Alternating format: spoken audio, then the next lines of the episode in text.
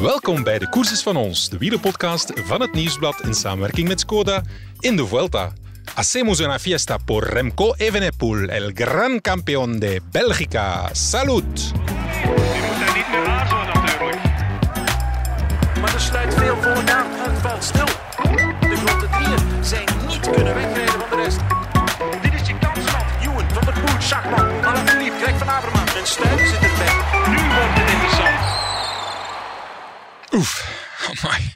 Even bekomen toch van dit weekend. Remco Evenepoel heeft het met verve geklaard. Donderdag de puntjes op de Piornal gezet en zaterdag Enric Mas met een killersblik definitief terug in zijn hok gestuurd. Ombre, die rode trui is en blijft van mij. Zaterdag na de rit tranen en zondag een orgasme van Madrid tot Schepdaal. De eerste Belgische rondewinnaar sinds Johan de Munk in 1978. Remco de Eerste vloog na zijn triomf meteen door naar Australië, waar hij komende zondag het WK tijdrijden rijdt en een week later de wegrit. En ook ik trok naar de luchthaven, die van Zaventem, waar ik chef wielrennen Wim Vos ging uitwuiven voor zijn trek naar Australië. Twee keer raden over wie we het vooral hadden bij een kop Starbucks koffie. We zitten op de luchthaven van Zaventem en iedereen die in het wielrennen iets betekent, die eh, zit nu op een luchthaven op weg naar Australië. Remco Evenepoel, bondscoach Sven van Toerenhout, Wout van Aert en natuurlijk ook Wim Vos, chef wielrennen hier op Zaventem, eh, klaar om te vertrekken naar Australië. Dag Wim. Ja, dag Michael. Ja. Al ingecheckt? Of? Nog niet ingecheckt. Nee. Ehm, eerst Londen, dan Sydney. We moeten zo meteen nog eens kijken eh, hoe laat we ja, de dingen kunnen doen die moeten gebeuren. Ja, dus we gaan het niet te lang laten uitlopen, deze podcast, zodat je een vlucht niet mist. Goed, eh, ja, we maken ons weer eh, klaar voor de volgende, het volgende hoogtepunt hopelijk. Maar eh, we gaan toch even terugblikken op het hoogtepunt dat net achter de rug ligt, dat nog nazindert en waar iedereen nog ja, aan het bekomen is van de roes, zeg maar. Remco Evenepoel, die de Vuelta wint, voor het eerst sinds 44 jaar nog een Belgische grote rondewinnaar. Historisch is het sowieso, de superlatieven zijn niet te tellen. In hoeverre zijn die terecht overdreven? Hoe groot is deze prestatie? Hoe moeten we dat inschatten? Ja, ik denk dat al die superlatieven op dit moment terecht zijn. Ehm, als je kijkt naar een paar cijfers of statistiekjes, wat je zegt, de eerste keer in 44 jaar dat een Belg een grote ronde wint. 45 jaar geleden dat er nog eens iemand een Belg de Vuelta won. Ehm, ik zag nog een aantal cijfers passeren vandaag. Ik dacht de derde of vierde jongste winnaar van de Vuelta in zoveel tijd en dergelijke. Dus ja, dat, dat, dat verdient de grootste complimenten, absoluut. Ehm, en natuurlijk kan je een paar bedenkingen maken. De Vuelta is de Tour niet, dat klopt. Um, Roglic is gevallen, dat klopt. Maar anderzijds, ja, elke grote ronde heeft zo zijn eigen verhaal. Ik herinner me dat uh, Merckx ook ooit een Tour heeft gewonnen waarin uh, Luis Ocaña viel. Had hij die anders gewonnen? Mogelijk, wellicht niet. Maar niemand zegt dat Merckx 4,5 Tour gewonnen heeft. Iedereen zegt dat hij vijf Tours gewonnen heeft. Dus ja, dit is gewoon een volwaardige, voldragen zege in een grote ronde van een Belg. En ook dat toch eens beklemtonen in die 44 jaar is er zelfs niemand nog kort bij geweest. Nee, nee, nee. Ik herinner me een Braneel die zijn derde plaats pakt in de Vuelta. Jurgen van den Broek, zeer verdienstelijk al die jaren in de Tour. We hebben nooit, zelfs maar die illusie gehad van daar zit winst in. Als je dat dan nu wel kan volmaken, ook twee weken die rode trui gedragen en dergelijke. Ja, dat is uh, een buiten, buitengewone prestatie. Bij Bruneel en uh, Jurgen van den Broek waren we al blij dat ze net daar geraakten en, en veel meer zat er bij. Ik denk dat ze het onderste uit de kan gehaald hebben, die. Voilà, Terwijl bij voilà. Evenepoel in principe zou je de komende jaren toch moeten in staat zijn om in grote rondes mee te dingen. Hè. Absoluut, dat is de plus. Hè. Je hebt niet alleen een, een, een winnaar nu, maar je hebt ook iemand waarvan je van weet dat hij in normale omstandigheden nog x aantal jaar, laat het dan acht of tien of twaalf jaar zijn. En elke grote ronde die hij start, ja, een, een blikvanger gaat zijn. Iemand waarvan je mag hopen ja, dat hij dat nog eens kan herhalen. Ja, het wordt op een andere manier naar eh, grote rondes kijken. hè. Absoluut. De vraag is, naar welke grote ronde gaan we volgend jaar op een andere manier moeten kijken? Discussie woedt al, Giro, Tour. We kijken graag vooruit. Dat is natuurlijk ook eh toogvoer. Eh, wat denk jij daarover? Ja, ik las, denk ik, dat Remco Evenepoel het zelf zei, want ik ga een beetje kijken. Eh, straks wordt die parcours van eerste Tour nadien de Giro voorgesteld. Doorgaans gebeurt het in oktober, november. En dat hij dat wilde afwachten. eh, Lijkt me verstandig, toch? Ja, en dan vooral kijken, ja, zijn grote troef op andere grote rondrenners is op dit moment absoluut die tijdrit. Daar kan hij het verschil in maken. En dat laat hem ook toe als hij daar de kloof kan maken van in de bergen. Is volgen, slash aanklampen, kan dan al genoeg zijn om je vooraan in zo'n, in zo'n klassement te handhaven. Dus um, dat je een beetje kijkt, welk parcours, Mhm. waar zijn de meeste tijdritkilometers, Giro of Tour. En bij de minste twijfel zou ik, of als het iets wat overhoudt naar Giro, zou ik altijd Giro kiezen dan. Omdat? Omdat dat de Tour ook wel eh, gaat doen nadenken. En dan gaan ze alles aan doen om ehm Evenepoel in 2024 wel aan de start krijgen. En, want zo opportunistisch zijn zo'n organisatoren dan wel, dan tekenen ze ook wel een parcours uit dat je een beetje beter ligt. Uiteindelijk wil iedereen ja, al de sterren, alle grote namen aan de start krijgen. Dus als een Tour dan een Evenepoel en een Pogacar en een Vingegaard, misschien dan ook weer terug een Bernal, hetzelfde moment aan de start krijgt, ja, dan gaan ze alles doen op dat dat parcours een beetje in, naar de zin wat Evenepoel is in 2024. Ja, strategisch nadenken, maar inderdaad, zo werkt het vaak in de Tour. Hè. De, Een klein beetje opportunisme hoort daarbij. ja. Zeg, en ja, ook Remco is het vliegtuig opgestapt of stapt vandaag het vliegtuig op, weliswaar. Hè. Spanje zelf, van in Spanje zelf en dan eh, ja, richting Australië. Ja, dat is wel heftig. Hè. Even bekomen zit er eh, niet in. Dat is dan een jetlag. En dan eh, zaterdag is de tijdrit al? Zondag. Zondag, Zondag. ja. Juist zondag. Eh, ik ben een beetje in de war met dat, dat tijdschema. Maar want ik het is denk altijd dat het hier ook nog bijna zaterdag is Ja, dat bijna moment, zaterdag is. We gaan in elk geval, ik weet niet of ik mijn bed ga zien, maar eh, eh, in elk geval, ja, die tijdrit, dat komt heel snel. Hè. In hoeverre gaat hij daar nog scherp zijn op dat WK? En hij rijdt dan ook nog de, de, de wegrit. Kan hij die doortrekken? Ik denk dat niemand dat op dit moment weet. Maar je doet aan fysiologen en dergelijke vragen. Het is allemaal een beetje een vraagteken. Je hebt, wat je zelf zegt, je hebt drie weken het uiterste van jezelf gevraagd. Ehm, nu vliegt er op, jetlag. Ja, tijdsverschillen. Dan moet je toch nog een beetje dat parcours gaan verkennen en zo. Dus heel veel vraagtekens. Ehm, het enige, als je dan toch een beetje een vergelijking kan maken, is vorig jaar vond eh, op dezelfde wijze de Spelen plaats. Had je één week na de Tour eh, de wegrit en vier, vijf dagen later kwam dan de tijdrit. En als je kijkt, was een week na de Tour, zag je nog wel de namen van de jongens die uit de Tour kwamen, waren dan nog altijd heel goed. Ik herinner me daar Van Aert die het zilver pakte. Ja. Ehm, maar dan een vier, vijf dagen later, als die tijdrit er kwam, dan waren het toch eigenlijk bijna allemaal ja, andere namen of renners die in de Tour niet tot het uiterste waren gegaan. Was Roglic werd uh, Olympisch kampioen, als ik me niet vergis. Uh, iemand die vroeg uit de Tour was verdwenen. Uh, Dumoulin had de Tour niet gereden, pakte daar zilver. Rowan Dennis ook de Tour niet gereden. Vergeef me als ik fout ben, ja. maar alles is geen prominente, geen prominente rol gespeeld rol, in die Tour. Niet. We herinneren het ons niet, dus voilà. voilà. En zij pakten dan die drie medailles. En daar zag je toch van de jongens die de Tour hadden gereden kwamen. We waren op dat moment een elftal dagen na de Tour, die konden dat niveau toch niet meer zo lang doortrekken. En psychologisch ook natuurlijk, want ook dat heeft, Van Aert aangegeven dat het op den duur uh, heel lang werd. Hè, om dat ja. door te trekken, om die, die focus te houden. Ja. Het wordt veel, maar kan een beetje omgekeerd kijken. Hè. Als je uit de Vuelta komt, ik neem aan dat er uh, een adrenaline stoot en je wint hem, dat er dan een adrenaline stoot door je lichaam gaat, waar je nog wel een paar weken op kan teren. Dus het is een beetje de twee, denk ik. Ja, als je die rode trui kan meenemen naar Australië en je legt die op je hotelkamer af en toe eens naar kijken, dat geeft wel de burger moed, denk ik. Dat denk ik ook, ja. ja. Gelukkig uh, moeten we niet alleen op Remco rekenen natuurlijk. Uh, ja, er is nog uh, iemand van wie we veel moois kunnen verwachten en die zelfs helemaal op die wegrit focust dit keer, Wout van Aert. Ja, hij heeft in Canada gekoerst. Wat maken we daarvan en ja, wat laat dat beloven voor het WK? Ik heb de twee wedstrijden op tv gezien, of toch de finale op tv gezien. Ja, hij was twee keer heel goed mee vooraan. Eigenlijk was dat nuchter bekeken. Het waren twee prestaties die ja, heel veelbelovend waren. Hmm. Alleen hij wint niet, natuurlijk. Ja. En dan uh, vrijdag kon je dat nog wel ergens ja, plaatsen in de zin het wedstrijdverloop in die laatste twee, drie kilometer was een beetje ongelukkig voor hem.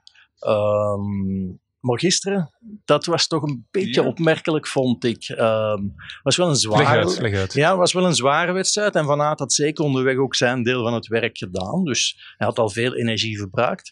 Maar ze komen dan met um, een vijftal renners in de finale. En um, eigenlijk verliep die laatste kilometer helemaal op maat van Van Aert. Mm -hmm. Hij kon de sprint aanvatten vanuit de juiste positie. in het wiel van Pogacar. Um, hij werd door niks of niemand gehinderd.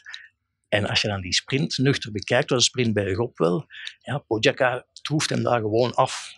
Ja. En ja, ik denk mentaal was dat toch niet de allerbeste dag voor Van Aert, denk ik, gisteren. Hij zal misschien toch ook geschrokken zijn. Ja, hoe goed hij sec bekeken ook was.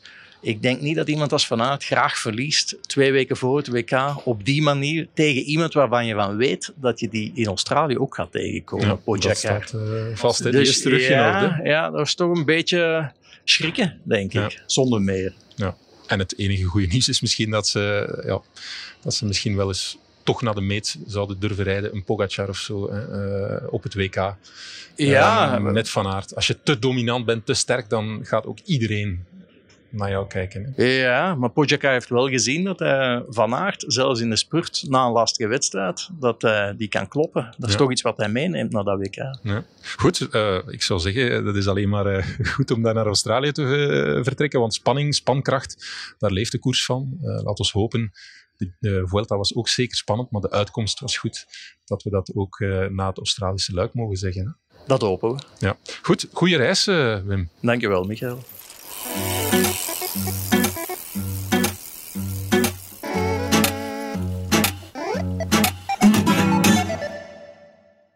gezin is net als een wielerploeg. We moedigen elkaar aan.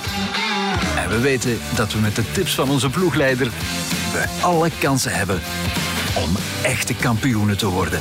Skoda, supporter van de grootste fietsfamilie. Toen Remco Evenepoel iedereen uitnodigde om zijn historische eindzege te vieren met de woorden Hasta la fiesta, lieten twee lieden zich dat geen twee keer zeggen. Ook voor onze reporters ter plekke Jan-Pieter de Vlieger alias GP en Maarten Delvaux alias MD was Madrid een grote ontlading na een zware maar onvergetelijke Vuelta die ze van op de eerste rij mochten verslaan. Ik belde hen op in Spanje. Voor mij was het middag, voor hen eigenlijk nog ochtend. Maarten en Jan-Pieter, onze mannen ter plekke, of moet ik zeggen onze mannen onderweg, want jullie zijn op de terugweg in de auto, de lange tocht vanuit Madrid naar eh België-land. hè? Ja, dat klopt. 1600 kilometer staat er nog op eh, de teller. Dus eh, Dat is Ja. stevig. iets, iets minder, ja. ja. En Remco ja, die besloot gisteren met Hasta la Fiesta. Hebben jullie die oproep beantwoord? Hebben jullie nog een feestje gebouwd na een zeer zware Vuelta? Eh, ja, we zijn naar de, eh, de Vuelta Afterparty eh gegaan. Oh, In de SingStar Panda Club. Ja, maar SingStar gewoon, Panda Club. om, niks, om niks te missen, uiteraard. dus de afterparty, daar zijn er dan renners? Of wat moet ik mij daarbij voorstellen? Daar waren renners, er waren eigenlijk best veel. En Remco ook? Of nee, Ja. die, die was al zijn koffers aan het pakken voor Australië? Ja, voilà. Remco eh, die, die eh, drinkt ook niet. En die, eh, ja, die is bezig met dat WK tijdrijden en twee- de WK wegrit. Dus ja, geen enkele quickstepper was aanwezig. Dat kunnen we formeel bevestigen. De SingStar Panda Club. Dat klinkt echt alsof dat daar ja, verhalen zijn die vooral niet verteld mogen worden en geschreven worden. Eh, dus het, is, eh, eigenlijk, het, het staat bekend als een karaokebar, maar eh, tot onze grote ontgoocheling, eh, want wij wouden Jimmy Frey Zaragoza zingen, eh, was er geen micro aanwezig. eh. Dus, eh, het, het was omgetoverd tot discotheek. Het enige wat, ik- wat ik er nog over kan zeggen is dat Hendrik Mas nog wel een kleine versnelling in de benen had die hij zaterdag niet heeft getoond. En dat eh, Luke Pleb vanaf nu mijn favoriete redder is. Allee, Luke Pleb. De held van de Ja, SingStar Panda Club. De- Ja, voilà. Ik eh, voorspel hem een zeer groot. Ja. En al de rest, dat houden we voor... eh, dat blijft in Madrid, alle andere verhalen. Ah, al de rest laten we achter in Madrid. eh, dat is maar goed. Ja, goed. Ehm, twee brave, brave huisvaders, hè, dus eh, jullie hebben je gedragen, daar twijfel ik niet aan. Ehm, Uiteraard. het slotweekend eh, van de Vuelta, ja, hebben we daar nog eh, dingen van onthouden? Hebben jullie nog dingen gezien die wij niet gezien hebben? Er was ja, die zaterdagrit die eigenlijk best meeviel. Ehm, ja, heeft eigenlijk vroeger nog de puntjes op de i gezet, hè? El Piernal, geloof ik. En dan, eh, ja, dan was het cruisen naar het einde. Hebben jullie nog speciaal dingen gezien? Heeft, hij, heeft Remco nog, nog, eh, nog van zich laten spreken op een bepaalde manier? eh, dingen die wij niet opgevangen hebben hier? Niet zozeer Remco zelf. Ik heb me zaterdag na de, de etappe waarin dat hij dan zijn, zijn eindzege veilig stelde, eh, vooral rond de bus gehangen van, eh van. En daar waren wel wat interessante eh, dingen nog te rapen. Ja. Koen Pelgrim ging een beetje door, door de drie weken. De coach, hè? De, de, de, de- coach van Remco Evenepoel. Die heeft uiteraard de gewoonte om, om s'avonds een beetje door die wattagefiles te gaan. En hij had daar een beetje inzicht in. Dat was eigenlijk wel, wel leuk om te horen. Mhm. Dus zijn beste niveau heeft Evenepoel gehaald in ehm, de eerste weken blijkbaar. Ja. Eh, Pico Giano en eh, Los Praires, dat waren dan puur cijfermatig zijn beste, zijn beste prestaties. Dat was ook niet Eh, verkeerd week- van op tv bekeken. Ja, maar inderdaad, dat spreekt een beetje voor zich natuurlijk. En hij vertelde ook dat hij een beetje moeite had met de etappe naar Sierra Nevada. Huh? Eh, dat was dan de dag na de, de moeilijke dag van, eh van Evenepoel. Ja, was op een zondag hè, Eh. na Sierra de la Pandera. Ja. Ja, precies. En daar had hij ook nog wel wat inzicht over, over die moeilijke etappe. Pardon. Eh, dat had uiteraard te maken met de valpartij van Evenepoel twee dagen eerder. Maar in het begin van de etappe zou hij ook een beetje met zijn krachten eh gewoekerd hebben. Ja, het was een, een zeer moeilijke aanloop van de etappe met, met heel smalle wegen waarin dat je niet echt gegroepeerd kon zitten als ploeg. Dus Evenepoel moest daar een beetje zelf zijn, eh, zijn positie kiezen. En daar zou hij dan iets te enthousiast geweest zijn, meegesprongen zijn met aanvallen die, waarin dat hij eigenlijk niet hoefde mee te springen Mhm. een beetje energie verbruikt hebben die hij op het einde van de rit tekort kwam. Dus die moeilijke dag was grotendeels toe te schrijven aan die valpartij, maar niet enkel en alleen daaraan. Dus dat was een inzicht dat coach eh Pelgrim gaf. Ja. En dan vertelde hij de dag nadien, dus eh, de Sierra Nevada-etappe, waar dan eh do or die eh, was voor, voor Evenepoel, dat, ik- dat hij zelf ook wel echt zenuwachtig en een beetje onzeker was over hoe dat zou, zou verlopen. Remco of eh, Koen moeilijk. Pelgrim? Koen, Koen Pelgrim zelf, maar hij Ah, ja. wilde dat niet tonen aan, aan Evenepoel. Hij had het er heel moeilijk mee dat Evenepoel op die klim zoveel kopwerk deed. Ja. En hij heeft dan... uiteindelijk is alles goed afgelopen met minimaal tijdsverlies eh, op, op Roglic in die etappe.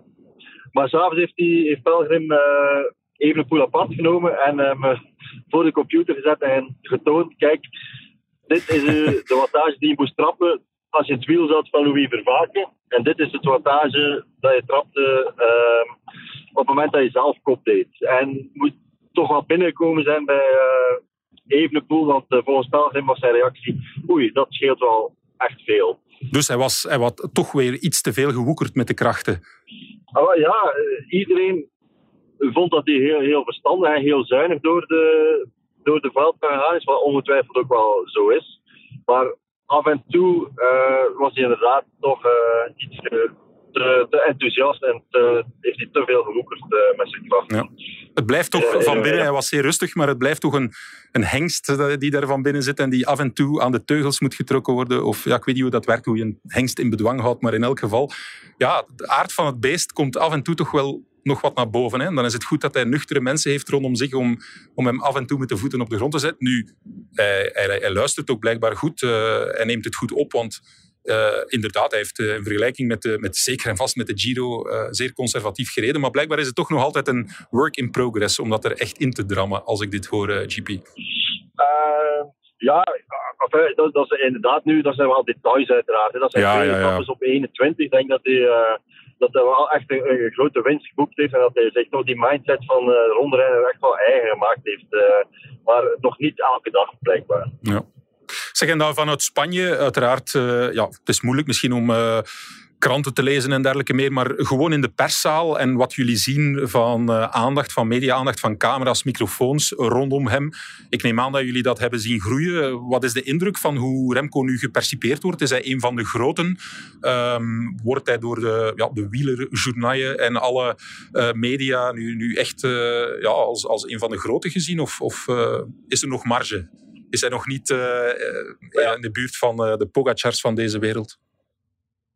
Ehm, qua aandacht groeien viel het eigenlijk nog mee, want er was gewoon al vanaf de start in Utrecht heel veel aandacht voor hem. Het meeste eigenlijk van alle renners. Ja. En het is gewoon dat, uiteraard heel de veld dat zo gebleven. En, en, en, en ja, de journalisten hebben hem ook wel graag, omdat hij iets vertelt. Hij is een van de enige eigenlijk toppers in, in het peloton van de klassementsmannen. Die effectief de tijd neemt om, om uitgebreid iedereen te woord te staan en ook verschillende dingen te vertellen. Uh, Hendrik Mas deed ook wel zijn best, maar, maar dat is toch allemaal een heel, een heel stuk minder. En, en over de rest moeten we eigenlijk bijna niet spreken. uh, dus, dus ja, die, ja, bijvoorbeeld, ja, ik heb het ook al uh, gezegd en geschreven, Rodelis, dat, dat is één minuutje, één, één zin. Dus iedereen neigt uh, sowieso al naar Evenepoel, omdat die de interessante dingen vertelt. dus hij heeft heel veel aandacht gekregen, maar hij heeft ook altijd zijn tijd genomen. En ja, iedereen heeft ook wel de indruk van dat dit het begin is hè, van, van, van zijn carrière. Dat hoor je ook al bij iedereen. Ja dit is een eerste stap. Ja. ja.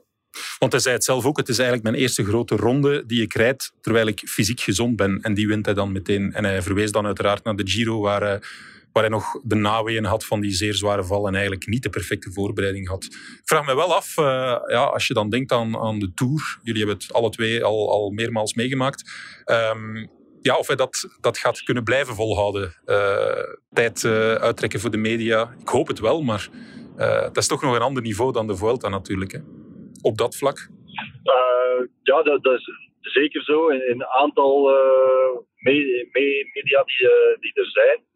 Ik denk dat hij nu 14 dagen de rode gedragen heeft. Qua, qua media-impact kan dat wel tellen. En het is niet gezegd dat als hij ooit Tour rijdt, dat hij daar ook zomaar op, op dag 8 in het geel staat en al die die mediaroutines moeten lopen. Dus eh, het is moeilijk om dat zo één op één naast elkaar ja, te leggen, denk klopt, klopt. Want voor hem is dit wel echt uh, naar, naar media toe een heel, heel zware rode ronde geweest. Ja, inderdaad. Hij heeft heel lang die rode trui gedragen natuurlijk. Zeg, en uh, de stemmen daar, want dat is natuurlijk wat enorm leeft. Volgend seizoen moet hij de Giro rijden, moet hij de Tour rijden. Um, ja, stof tot toogpraat en ook de analisten en specialisten die zich daarover buigen. En niet dat daar altijd heel veel verschil tussen is.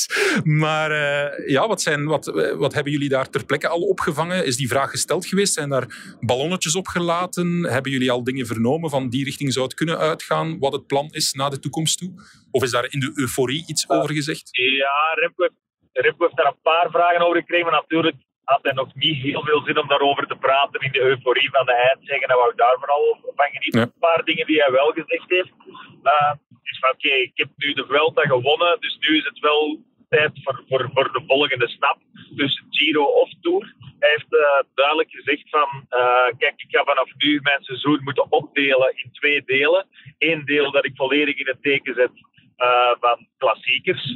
Uh, en één deel dat ik in het, uh, een andere helft van het seizoen zit ik in het teken van een grote ronde.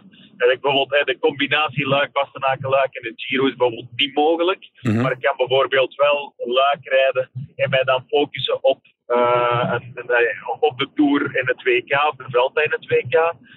ofwel rijd ik de Giro en maar dat wil dan zeggen, geen Luik, Bastenaken, Luik, maar wel het WK rijden in de uh, najaarsklassiekers. Ja. Uh, en Ronde van Lombardije, etc. Dus dat, dat heeft hij wel gezegd. Uh, en wat hij ook zegt, en dat vind ik eigenlijk heel logisch, we, we kennen het parcours nog niet van de Tour en van de Giro, ook nog niet volledig, dat het ook wel afhangt van de tijdritkilometers. Ja. dus als, als, als de Giro heel veel tijdritkilometers heeft, heeft het veel zin om, om daar naartoe te gaan. maar ook, hij, hij, zegt dat ook, kijk, als, als, stel nu dat de Tour ja, heel veel tijdritkilometers heeft, dan moet ik het misschien wel overwegen om het te doen. Dan hou ik dat wel een slag om de arm van kijk, de Tour is nog wel een, van een heel andere grootorde. Dus ik, dan neem ik ook wel een groot risico om volgend jaar al de Tour te doen. Ja. Uh, wat dan weer wel in het voordeel van de Tour spreekt, is dat die volgend jaar start in Bilbao in een aantal etappes in het Baskeland heeft. En dat zijn natuurlijk, ja, we hebben gezien hoe goed hij in het Baskeland en Bilbao is. Dus dat is wel een extra argument om op de Tour te overwegen. Maar hij, hij, hij durfde zich nog niet uitspreken van Giro of Tour volgend jaar. Ik denk dat uh, het parcours uh, ja, een zeer grote rol zal spelen in die keuze. En terecht, denk ik. Ja, ik, uh, ik volg jou, Maarten. Het is inderdaad, we proberen dat nu natuurlijk. Alle aandacht uh, gaat naar Remco en uh, ja, we discussiëren daar graag over. Maar eigenlijk kan je die discussie niet ernstig voeren op het moment dat je niet weet welke parcoursen er zijn. Het zou kan een plan hebben om hem bijvoorbeeld nog niet naar de Tour te sturen. Maar stel dat dat gewoon een parcours is dat hem gegoten zit en de Giro net niet. Ja, eh, dan moet je dat in rekening nemen. Punt Ja. uit. Ja, voilà. Eh, dus Patrick Lefevre wil eigenlijk het liefst nog wachten. Mhm. Dit is nog iets te vroeg. Eh, maar ja, Remco zei het, hè, misschien moet ik het in overweging nemen, maar ik neem wel een risico. Ik denk als de, als de Giro genoeg tijdkilometers heeft, veel tijdkilometers heeft, dat hij dat eerder in zijn hoofd zal hebben. Maar ja, dat hangt echt puur van het af. En ook wat, eh, wat zijn entourage daar rond zegt. Hè, want hij luistert ook wel wat iedereen rondom zegt. Dat hebben we begrepen, ja. En dan kan hij misschien in de Giro eens een eh, mooie trofee winnen, want die fruitschaal van de Vuelta, dat, eh, dat vond ik toch maar magertjes. Geef mij dan, dan maar die, die mooie trofee van de Giro. Ja, dat viel wel een beetje tegen inderdaad. Maar de setting was wel mooi daar in Madrid. Het was geen Eiffeltoren, maar het was toch de moeite eigenlijk. Ze hadden wel hun best gedaan. Ja, eh, de Veldorganisatie. Goed. Ik wens jullie een behouden terugreis. Moeten er nog cadeautjes gekocht worden in het tankstation of hebben jullie daar eh, al tijd voor gehad, voor het thuisfront? Ik heb, ben gelukkig al eh, voorzien, dus Ah, geen krakje, geen cadeaus. en, en, en GP heeft ook, wel, heeft ook zijn best gedaan. Kijk eens aan. Iets om naar uit te kijken. Klopt, De. De mensen die thuis jullie met open armen gaan ontvangen na een eh, heel lange afwezigheid. Maar wel eentje die eh, jullie gaan kunnen navertellen. Hè? Misschien aan de kleinkinderen. Ik was erbij toen Remco zijn eerste grote ronde won. Voilà, dat is, Oké. eh, dat is, dat is fantastisch om het dan op de eerste rij mee te nemen. Oké, veel plezier onderweg en eh, behouden thuiskomst. Ja, ja, wij gaan nog eens eh, Jimmy Frey opzetten en eh, dan zijn we zo terug eh, in België. Voilà. Meezingen zou ik zeggen, want gisteren kon het niet in de Singstar Panda Club. Misschien wel in de auto. Het gaat hard op de koersreactie van het Nieuwsblad. Want na de grote ontlading van de triomf van Remco Evenepoel in de Vuelta laden we ons op voor het WK in Wollongong, Australia, waar we met Van Aert en Evenepoel opnieuw mogen dromen van Belgisch succes. Meteen na deze podcast trek ik naar Ties Benoot, ploegmakker en rechterhand van Wout van Aert, die hem in de Tour nog naar groen loodste. In Australië is hij er jammer genoeg niet bijna een ongeluk op training, maar Benoot die wordt onze columnist tijdens het WK echt iets om naar uit te kijken, want Benoot die is naast een goed coureur ook een fijn en interessant mens. Met hem neem ik onze WK-voorbeschouwing op en dat is meteen onze eerste podcastafspraak richting WK. En opnieuw rijdt Skoda het hele WK met ons mee. Ik kijk er ongelooflijk naar uit en hoop jullie ook. Tot onze grote WK-voorbeschouwing. Tot de koers is van ons.